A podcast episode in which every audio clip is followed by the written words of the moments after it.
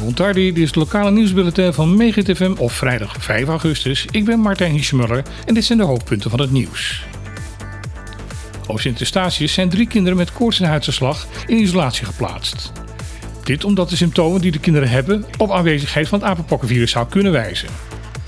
Er zijn tests afgenomen die naar Nederland zijn gestuurd. Daar kan worden vastgesteld of het hier gaat om waterpokken, apenpokken of hand, mond en klauwzeer. De uiterlijke verschijnselen van deze drie ziektes lijken namelijk erg op elkaar. Op zijn vroegst over een week komt de uitslag van de tests. Momenteel zijn er wereldwijd 25.000 gevallen van apenpokken bekend. Door de snelle verspreiding van de ziekte in landen waar het nog nooit eerder is voorgekomen, spreekt de Wereldgezondheidsorganisatie van een noodsituatie. De autoriteiten op statie benadrukken dat er geen reden is voor paniek. Maar er wordt wel aan het publiek gevraagd om waakzaam te zijn. Een eerder geval in Aruba van mogelijke besmetting van het virus blijkt na uitslag van de test loos alarm te zijn geweest.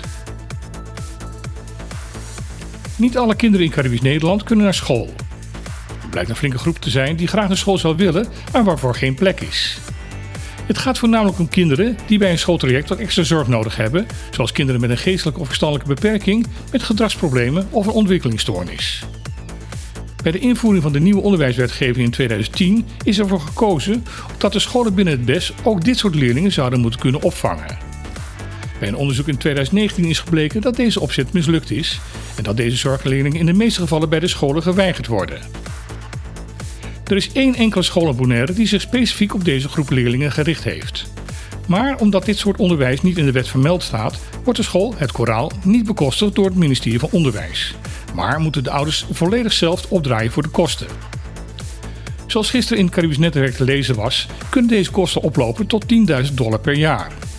Er zijn maar weinig ouders op de best die dat kunnen betalen.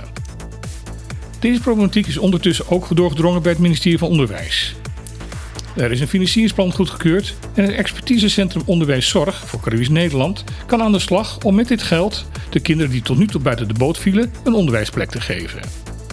De verwachting is dat na de zomervakantie hier meer bekend over zal zijn. Het museum Termar gaat een andere richting op. Gisteravond werd het nieuwe motto van het museum gepresenteerd: Research, Museum en Community. In de huidige opzet richt het museum zich vooral op de toerist die het eiland bezoekt en iets meer wil weten over de geschiedenis ervan. Termar wil in de nieuwe opzet zich ook richten op de Bonaireaanse gemeenschap. Daarvoor zal de uitgestalde collectie van het museum aangepast en uitgebreid worden. Bij de totstandkoming van de nieuwe expositie zal samengewerkt worden met onder andere Fuhicubo en zullen er activiteiten georganiseerd worden waardoor mensen vanuit de samenleving hierover kunnen meedenken. Er zal een vervolg komen op de zogenaamde community-programma's. Hier worden diverse thema's die voor het eiland belangrijk zijn bespreekbaar gemaakt. Ook zullen culturele workshops georganiseerd worden en zal Termar lespakketten voor het onderwijs gaan ontwikkelen. Het is de bedoeling dat de nieuwe opzet van het museum in 2023 zichtbaar wordt voor het publiek. Tot slot nog een felicitatie. Deze week is de leider van de MBB-fractie in de Eilandsraad, Elvis Chinashu, opnieuw in het huurdersbootje gestapt.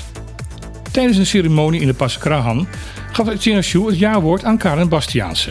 De twee hebben elkaar leren kennen via Facebook. De plechtigheid heeft in besloten kring plaatsgevonden. Het grootfeest gaat nog komen wanneer de familie van de bruid op het eiland is. De redactie van Meganieuws wil het paar van harte feliciteren. Dit is het laatste nieuwsbulletin van deze week. Morgen is weer op de klippen, waar het ongetwijfeld zullen hebben over de laatste ontwikkelingen rondom Sunset Beach, het uitblijven van een hondenverordening en het ontbreken van een wettelijke basis voor speciaal onderwijs. Mocht u gaan luisteren, dan graag tot morgen en anders tot maandag.